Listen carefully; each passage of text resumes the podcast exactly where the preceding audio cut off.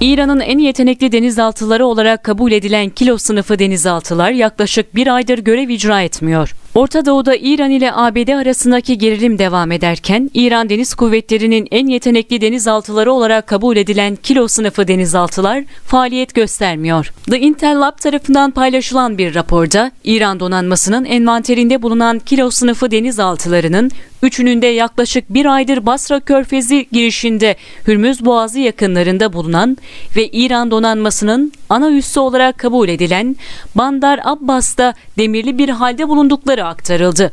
Raporda 3 denizaltının aynı anda faaliyet göstermemesinin olağan bir durum olduğu ve bu durumun ciddi bir hizmet sorununa işaret edebileceği ifade edildi. İran Deniz Kuvvetleri mümkün olduğunca çok sayıda denizaltıyı su altında tutmak için bakım dönemlerini belli aralıklarla belirliyor. Bu durum kilo sınıfı 3 denizaltılardan en az birinin herhangi bir zamanda faaliyet göstermesi anlamına geliyor. Yayınlanan raporda İran donanması envanterine 600 tonluk yerli Fateh sınıfı denizaltılarının eklenmesinin Tahran tarafından her 3 kilo denizaltının da aynı anda sudan çıkmasına izin vermek için yeterli bir yetenek olarak görülebileceği, ancak sınıfının birincisi olarak kabul edilen Fateh'in sürecin başından beri Bandar Abbas'ta demirlenmiş halde bulunduğu belirtildi. Kilo sınıfı denizaltılar bakımları için deneyimli Rus tersanelerine gönderilmek yerine yerel tersanelerde elden geçirildi.